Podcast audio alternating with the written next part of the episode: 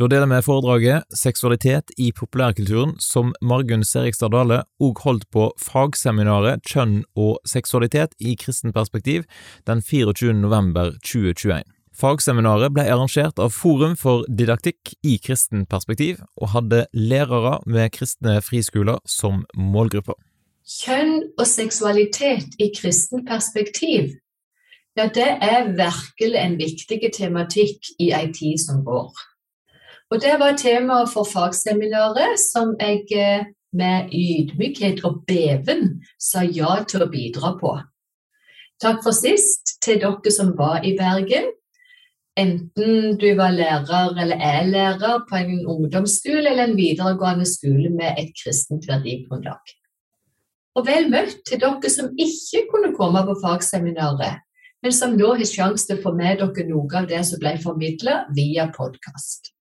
Når jeg sa ja, så var det altså fordi jeg kjenner at jeg står ved sida av dere som er der i de kristne ungdomsskolene og videregående skolene, selv om jeg er på en kristen høgskole. Og vi ønsker i fellesskap å gå ved sida av de unge i dette krevende landskapet som omgir de når de basker med de krevende spørsmålene. Vi trenger kunnskap, vi trenger visdom, vi trenger å gå i lag som kollegaer på tvers av skoleslag for å hjelpe hverandre til å se den ene ungdommen der han og hun er, og for å hjelpe hverandre til å være trygge på vår egen forankring. For Det er jo ikke tvil om at det klassiske perspektivet er en minoritet. Det er derfor det er så viktig å ta opp denne tematikken. Men ikke nok med det, jeg kjenner nok òg på at eh, det blir sett på med stadig større mistru av stadig flere, dette klassiske synet. Ikke bare at det blir sett på som livsbegrensende, altså stikk i strid med det vi ønsker å dele, at det klassiske synet er livsbejaende. Nei, det kan gi mer og mer ifra å se på det som livsbegrensende til å se på det som nærmest ødeleggende. Mens Jesus jo sa at eh, sannheten setter oss fri, så sier så mange røster i dag at eh, friheten skal gjøre oss samme. Og de aller fleste av disse røstene møter de unge, og vi òg, via populærkulturen. Så Derfor så var kickoffet på fagseminaret i Bergen seksualitet i populærkulturen. Og det var Bjørn Hinderaker og jeg som var spurt om å dele noe om det, for så å gå videre inn på tematikken om seksualitet i kristen tro og i noen andre livssyn. Så ble dessverre Bjørn forhindra fra å være med, så det ble jeg som eh, delte den første dagen på fagseminaret. Og nå får dere altså via en liten podkast det meste av det jeg fikk dele, men selvfølgelig ikke alt. Så gå inn på damares.no eh, på skolen, damareskole.no rettere sagt, og gå på fagtru-portalen eh, og sjekk PDF av det som jeg formidler, og andre ressurser for å få mer dybde enn det en kan gjøre når et seminar blir gjort om til en podkast. Seksualitet i populærkulturen. Hvor i all verden begynner vi da? Ja, vi begynner med Disney. Vi begynner på Disney Pluss-kanalen med en serie som heter Uglehuset eller The Owl House. Aldersgrense seks år. Oi, tenker du, var ikke dette ungdomsskole og videregående? Ja, det var det. Men la oss vite likevel litt om hva som skjer i møte med de aller yngste nå. Fordi i 2020, når denne serien kom, så var det første gang at Disney har en biseksuell hovedkarakter for uh, unger, og egentlig i det hele tatt. De to jentekarakterene Amity og Luce liker hverandre veldig godt. Og på eh, fagseminaret så, så vi et lite klipp fra en episode der Lus lenge hadde venta på å finne den perfekte anledningen til å be Amity ut på en date. Og vi fikk jo et sjarmerende og søtt møte med denne hendelsen. Blussende kinn og vart og holde i hånda og alt det der. Og så kunne vi jo spørre oss sjøl er det nå så farlig dette, da? Det er jo så søtt. Og så er jo faktisk poenget først og fremst at det her bryter Disney en grense i forhold til den tradisjonelle prinsessa finner sin prins-historien, eller i Frost, der vi ikke har noe kjæreste hovedkarakteren i det hele tatt. Og under det så tenker jeg det aller viktigste for oss er å merke oss understrekingen som dette gir av alminneliggjøringen. Fordi det er så mange budskap som er akkurat likt, men det kommer i ulike innpakninger. Velg du jente, jente eller gutt, gutt.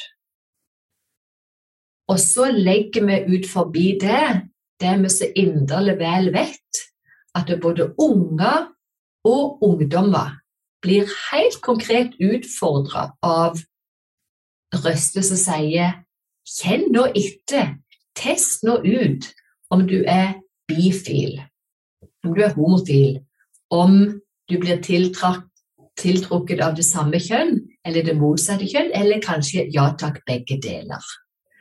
For det er så naturlig, så test det ut vi går fra Disney til noe som er mer relevant rett inn i ungdomskulturen. Selvfølgelig gjør vi det. Men vi er i stikkordet 'det er jo så naturlig'. For eh, på fagseminaret så spilte vi en snutt av Ed Sheeran, 'Shape of You'-sangen. Han er jo så nydelig i stemmen. Han har jo så mange nydelige kjærlighetssanger, f.eks. denne 'Perfect', som mange vil kalle tidenes kjærlighetssang. Men midt i dette så kommer det også budskap som helt klart fokuserer på begjæret, som må bli tilfredsstilt, og det er jo så naturlig.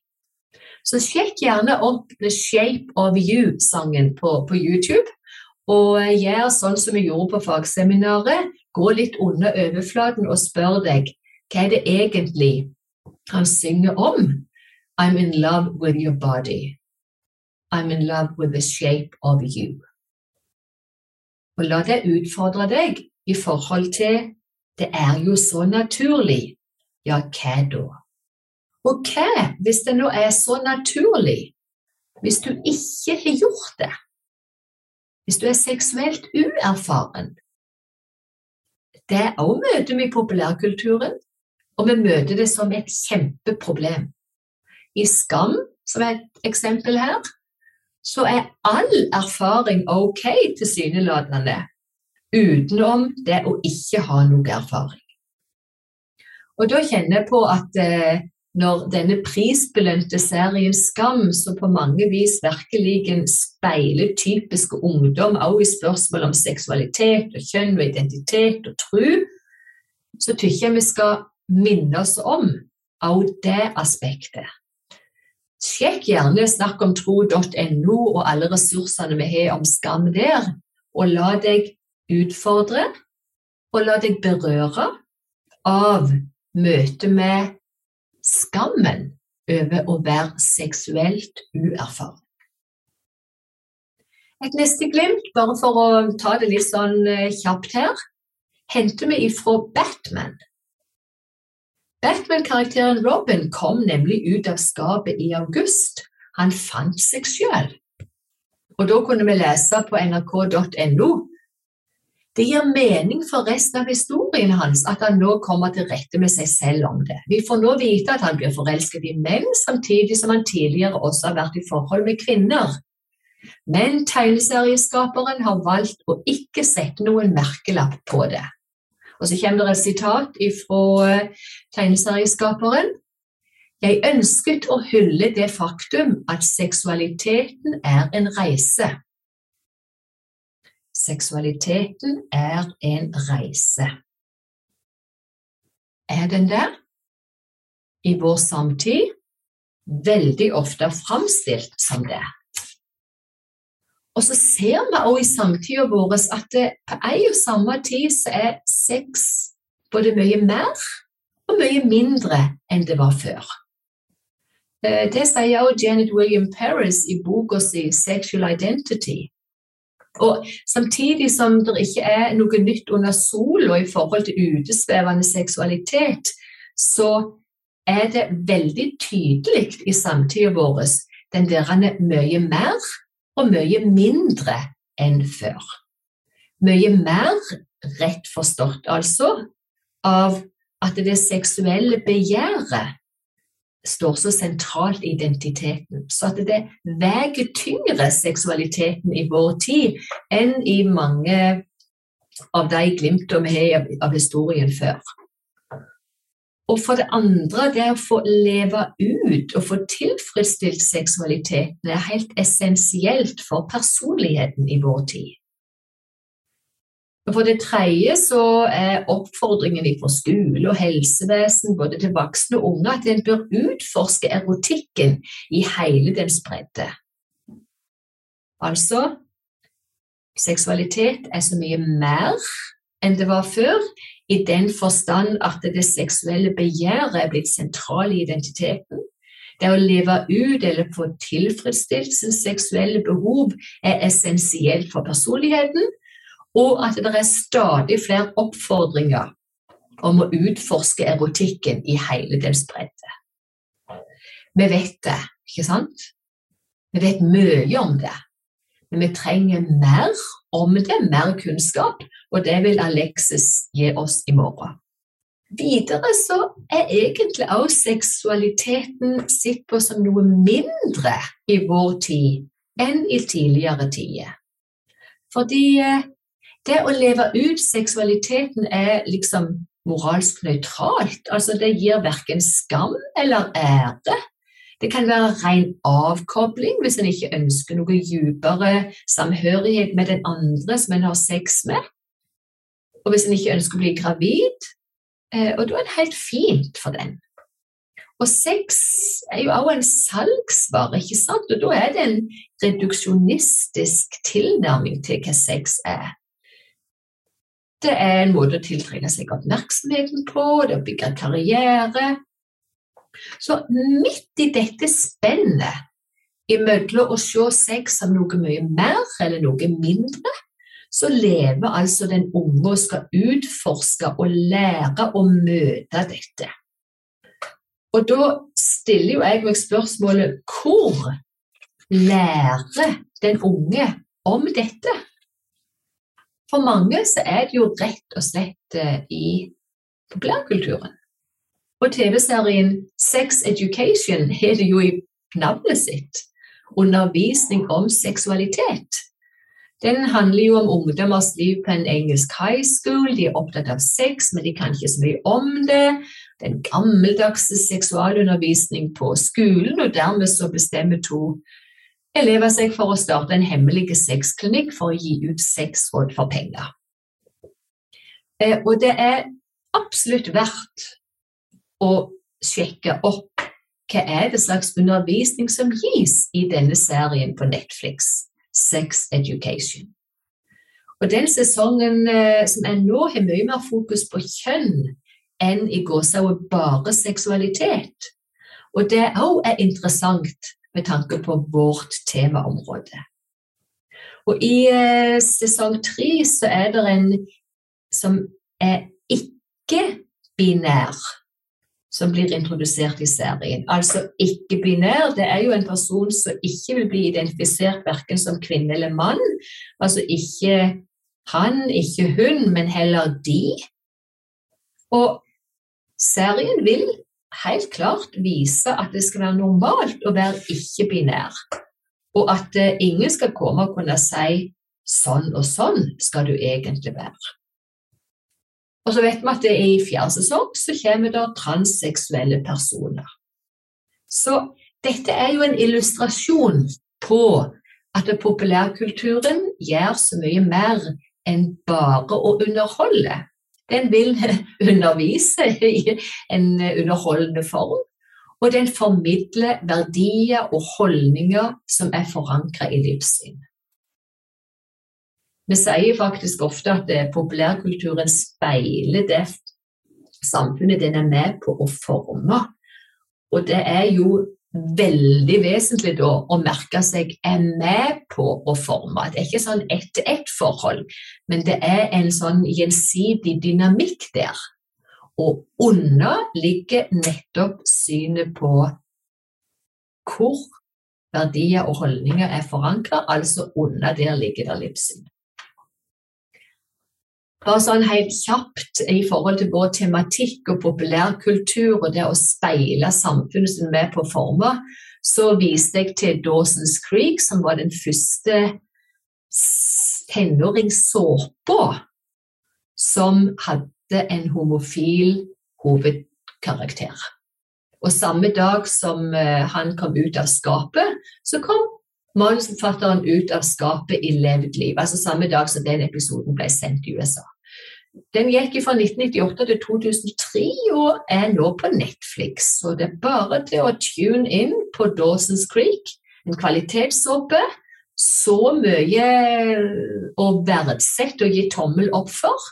Og samtidig denne tankevekkende endringen som skjedde ved å få en homofil hovedrollekarakter. Og så sier vi jo ofte at eh, det går ifra skjermen og TV-serieformatet til lerretet og kinofilmen. Og Brokeback Mountain er det mange som husker, kom i 2005.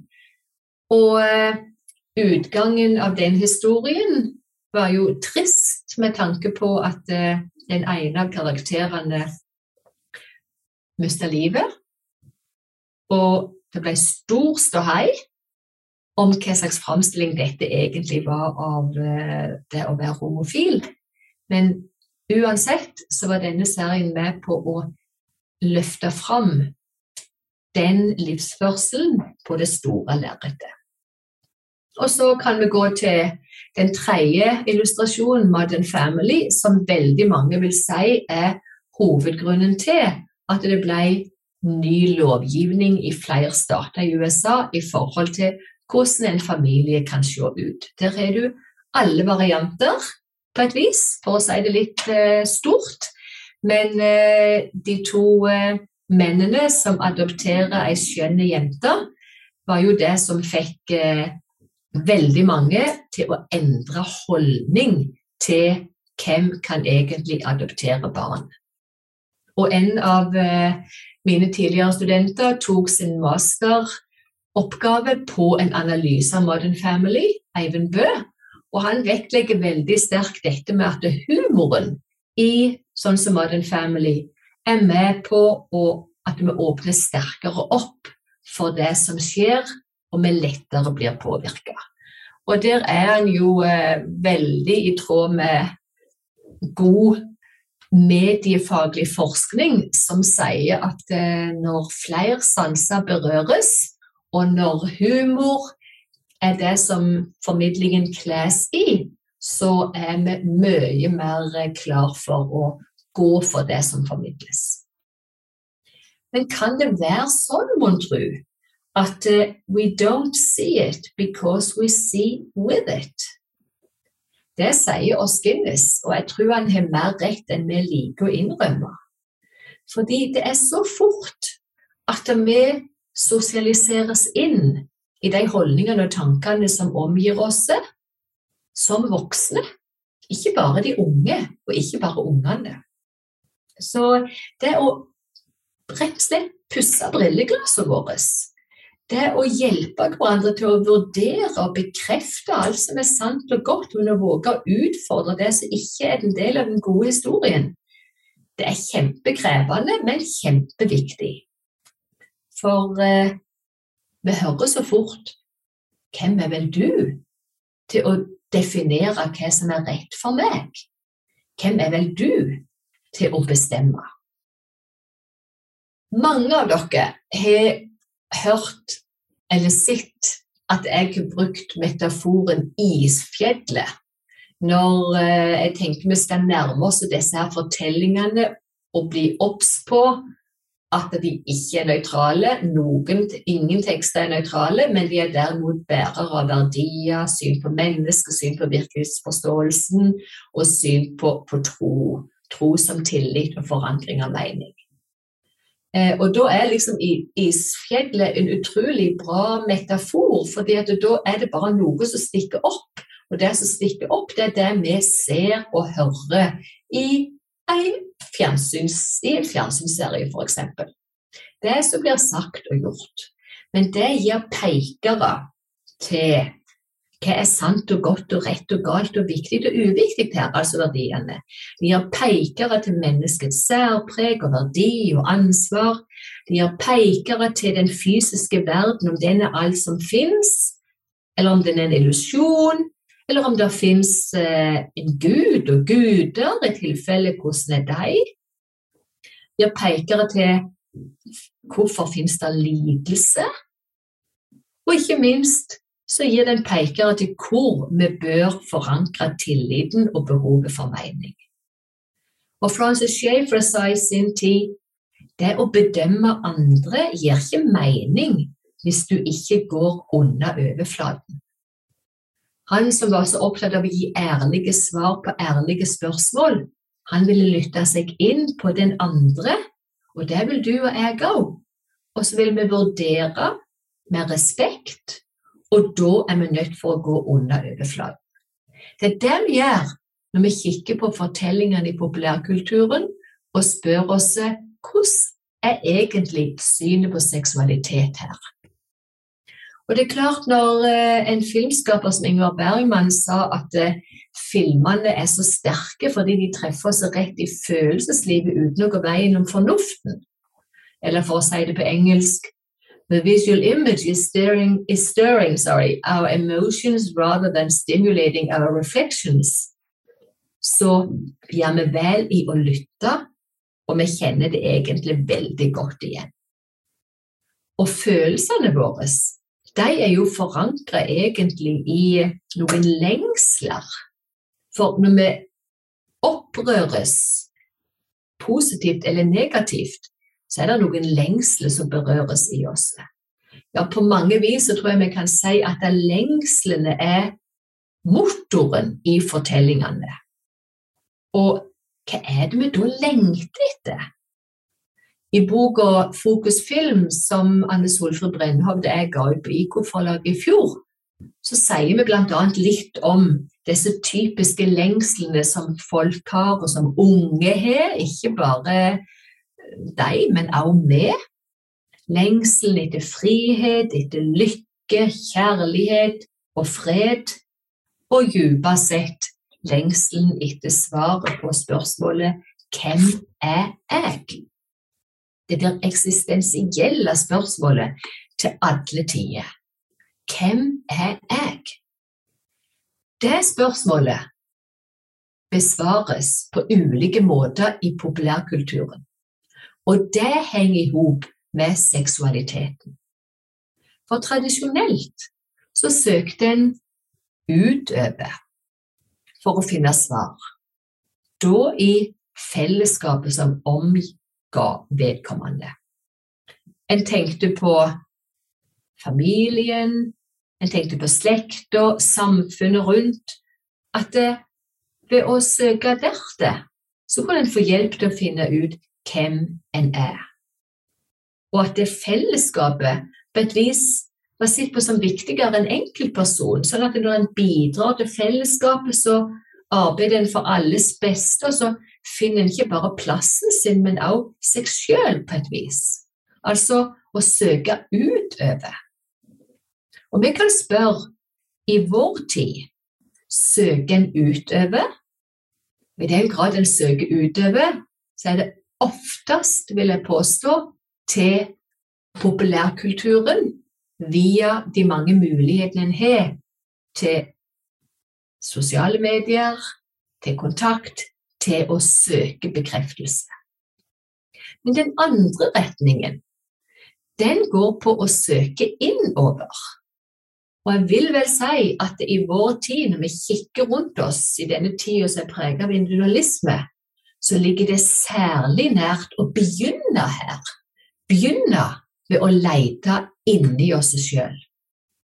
Holdningen og tanken blir da at ved å kjenne etter på det jeg føler, så finner jeg mitt sanne jeg. Og hvis jeg da beskytter meg imot påvirkning utenfra, så kan jeg egentlig finne mitt jeg inni meg først, og så må jeg komme ut til de andre og håpe på å bli bekrefta. Så altså først lete inni meg, og så be om en bekreftelse når jeg søker utover. Hva er da med den tredje retningen? Å lete oppover. Og jeg tenker jo rett og slett at enten vi ser på egen kultur i, i fortida eller i andre kulturer, så ser vi mange, mange eksempler på at en begynner leidingen etter en høyere mening med livet. Og da er den ofte knytta til en skapergud. Og holdningen og tanken er da at ved å søke oppover, så finner en ut hvem en er.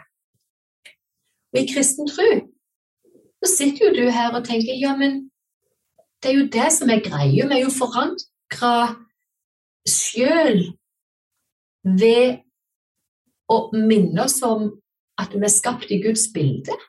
En uendelig verdi. Han som elsker oss og vil oss. Og da så pekes det jo også til fellesskapet utover. Og så pekes det i neste omgang innover til følelsene våre. Og noen av de følelsene bekrefter vi, og andre utfordrer vi. La oss utfordre og oppfordre hverandre og våre ungdommer som vi går tett på, til å lete oppover og møte Guds blikk, som forteller oss hvem vi er, for så å kaste blikket utover det, det fellesskapet som vi er en del av, og som er skapt til å leve i. Og så kaste blikket innover og la Guds røst overdøve røsten innenfra, sånn at følelsene kan både utfordres og bekreftes, og vi kan kjenne dette er svaret på hvem jeg er. Det høres enkelt ut når jeg sier det sånn, men når du går inn i de tre retningene, så ser du at dette er det hold i. I denne koblingen. Men populærkulturen, den gir innspill først og fremst til å søke innover, og så til å få denne bekreftelsen etterpå ved å søke utover. Og et veldig eh, kjent eksempel, egentlig, og ferskt, det er han eh, Viktor Sotberg, som er både YouTuber og programleder og veldig kjent eh, influenser i møte med både tweens og, og eldre. Så skrev boka bare Viktor. Og er så klar på at for han var det om å gjøre og vedkjenne seg at han er bifil. Og dermed så sier han jeg blir ikke forelska i kjønn, men i mennesker. Og Det er jo noe som en får lyst til å gi tommel opp for. Spørsmålet er bare hva som ligger i det, og om kjønn da blir underordna, som det da faktisk blir i hans tilfelle.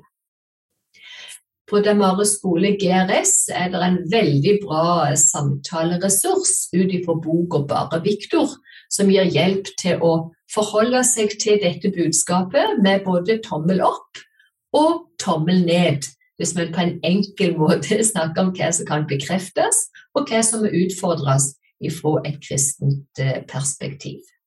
Og det er jo det kristne perspektivet som vi så inderlig gjerne vil få formidle med kjærlighet og varme og tydelighet. Men denne forvirringen som Viktor deler i boka si, har plaga han i så mange, mange år at han endelig nå så fant han ut hvem han var, og kunne hvile i å være bifil. Denne forvirringen møter en veldig, veldig mye av. og jeg hadde noen eksempel på fagseminaret med noen eh, glimt inn i TikTok. Og eh, dere kan gå til PDF-en og, og, sjekke opp dem for å få dem med dere. Men illustrasjonen er tydelig.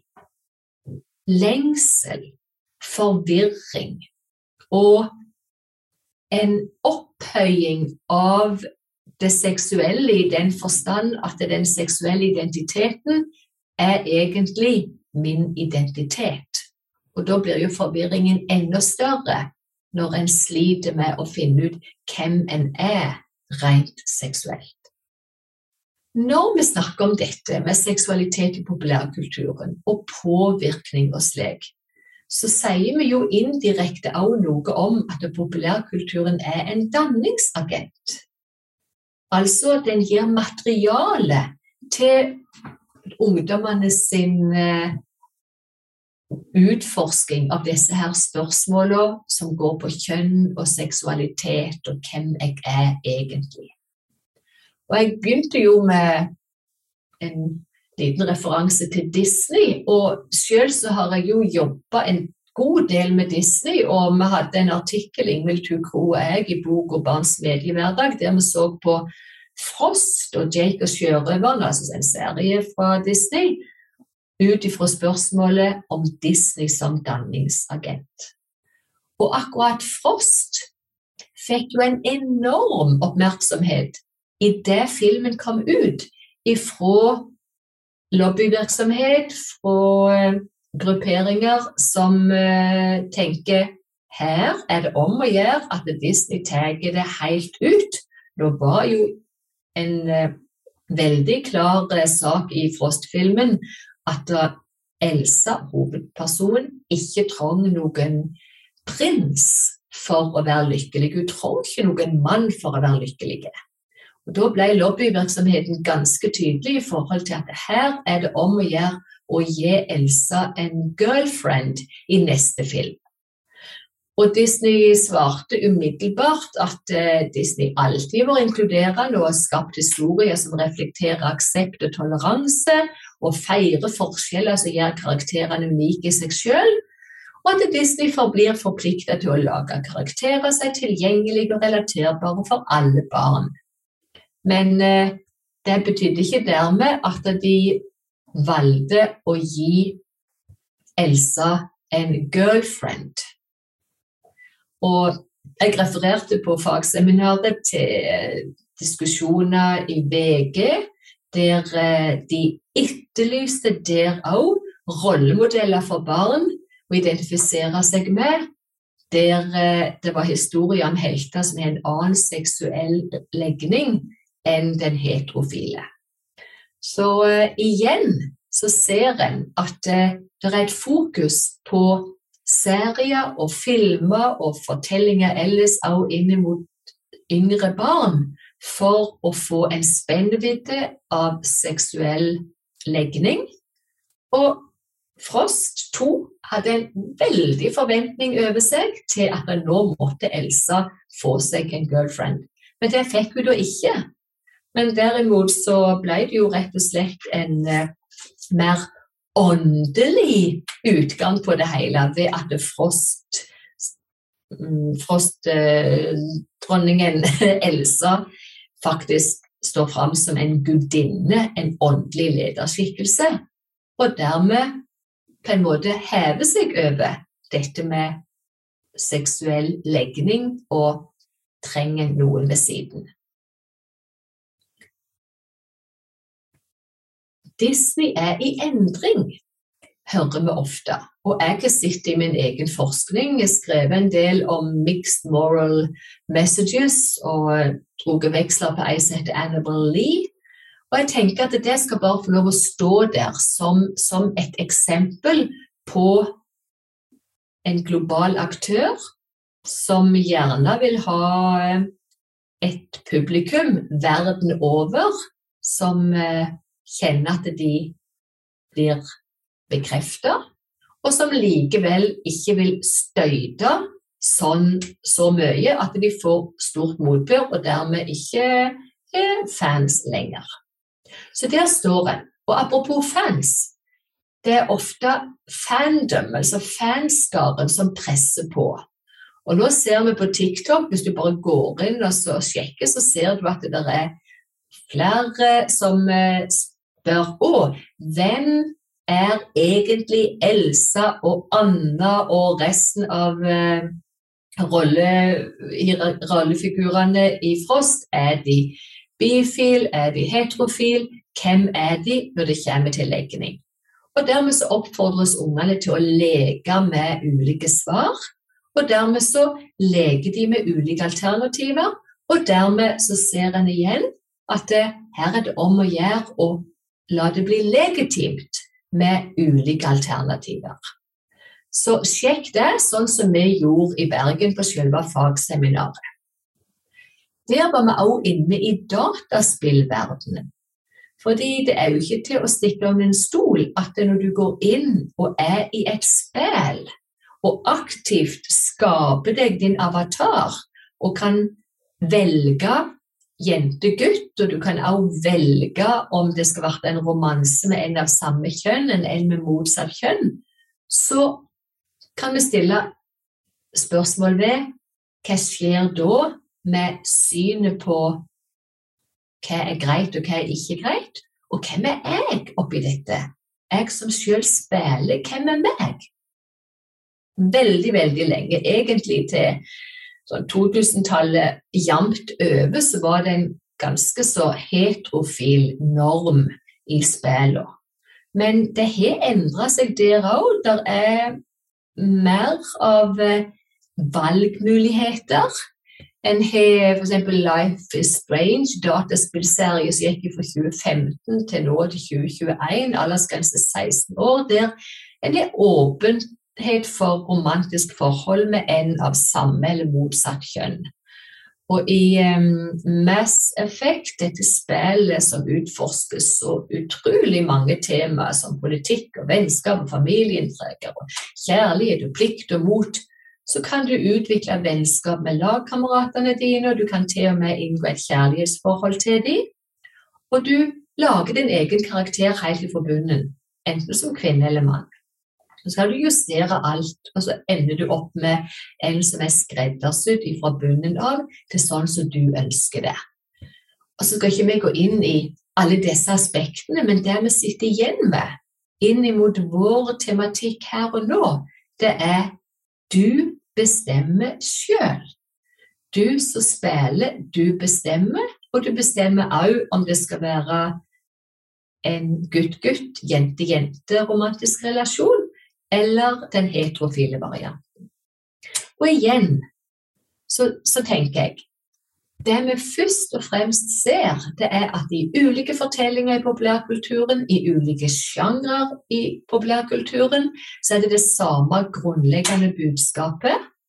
Og det grunnleggende budskapet, det er vær deg sjøl, vær sann imot deg sjøl, fyll hjertet ditt, og finn deg sjøl.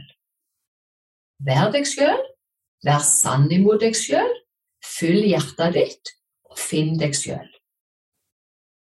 Hørte du som er litt uh, kjent med Disney, at dette ligner veldig på et sånn hovedbudskap i Disney? Men det gjør i grunnen det. Og så har det tradisjonelle Disney-synet, som gikk på at uh, når du skal være sann imot deg sjøl, så betyr det òg at du har en pliktfølelse overfor de rundt deg. Så er det blitt mer og mer Oi, jeg skal være sann imot meg sjøl Punktum. Og så får det gå som det vil med min forpliktelse, min relasjon til de andre. Så det å være seg sjøl, det å definere hva er godt for meg. Den dreiningen ser vi mer og mer av i Disney, og vi ser den veldig klart i ulike fortellinger. Fyll hjertet ditt i den forstand at du definerer hva som er sant og godt og viktig for deg, og det er da du finner deg sjøl. Men når det er hovedbudskapet, og vi skal sette det på en sånn en formel i fire punkt, så er det ikke løye at vi også merker så mye smerte i populærkulturen. Ikke minst når du går inn i TikTok-universet. Smerten hos unge som er forvirra og frustrerte, og som lengter etter frihet, som lengter etter å finne svaret på hvem de er. Så sjekk gjerne ut TikToker som jeg refererte til i eh, Bergen. Bruk PDF-en og gå sjøl inn i eh, TikTok-universet og la deg berøre og utfordre. For her er det mye smerte, og her er det òg mye press. Serien Lik meg er jo kjempeaktuell inn mot målgruppa vår. Og bare en tittel forteller noe om smerten og presset etter å bli bekrefta utenifra, bli likt, som hjelp til å ha et godt liv. Være lykkelig, finne ut hvem en egentlig er. Og den serien er jo et velregissert sjalusidrama, egentlig. Og den er bygd på grundig research, altså språk og slang og sosiale medier som bare glir inn i uh, den hverdagen som er levd liv direkte. Altså det er sånn sømløse overganger her i handlingen som gjør at du kan ikke annet eller ta dette som et veldig sterkt apropos i forhold til aktuell ungdomskultur, og hvordan det egentlig står til med bruken av sosiale medier, også i forhold til det med ensomhet og baksnakkelse og deling av nakenbilder, og ikke minst da synet på seg sjøl og den andre og kjønn. Og det var et par klipp der fra en episode der dette med kjønnsroller og det med deling av nakenbilder var aktuelt. Så de bitene der blir egentlig stående som en veldig grell utfordring. En nær utfordring til oss om å lytte til populærkulturen, identifisere lengslene som ligger der, følelsene som treffer både deg og meg, og ikke minst de unge, og, og spørre oss hva er egentlig hovedutfordringen når det de får høre, er vær deg sjøl, vær sann imot deg sjøl, fyll hjertet ditt og finn deg sjøl. Og de bare lurer på hvem kan egentlig gi meg svar? Og er det sånn at den jeg er i forhold til seksuell legning, den jeg er slik, er svaret på min verdi og hvem jeg faktisk er. Under her ligger sporene av livssyn. Og nettopp derfor så gikk vi etter en god middag inn på neste temaområde, som henger helt i hop med seksualitet i populærkulturen, nemlig seksualitet i kristen tro og i noen andre livssyn. Dette foredraget leder som sagt opp til det påfølgende foredraget på fagseminaret, der Margunn Serigstad Dale hadde temaet Seksualitet i kristen tru og noen andre livssyn. Det seminaret finner du i den påfølgende episoden her på podkasten til Damaris Norge, og vi anbefaler selvfølgelig at du òg lytter til eh, det seminaret. Utfyllende ressurser kan du søke opp på nettsidene til Damaris skole, GRS og VGS. Og setter du pris på at eh, Damaris deler denne type ressurser, så kan du jo vurdere om ikke du vil støtte arbeidet vårt. Da kan du gå inn på damaris.no, så finner du ut hvordan du kan gjøre det der. Da ønsker jeg deg fin dag, og så kommer det plutselig noen nye seminar her på podkasten til Damaris Norge.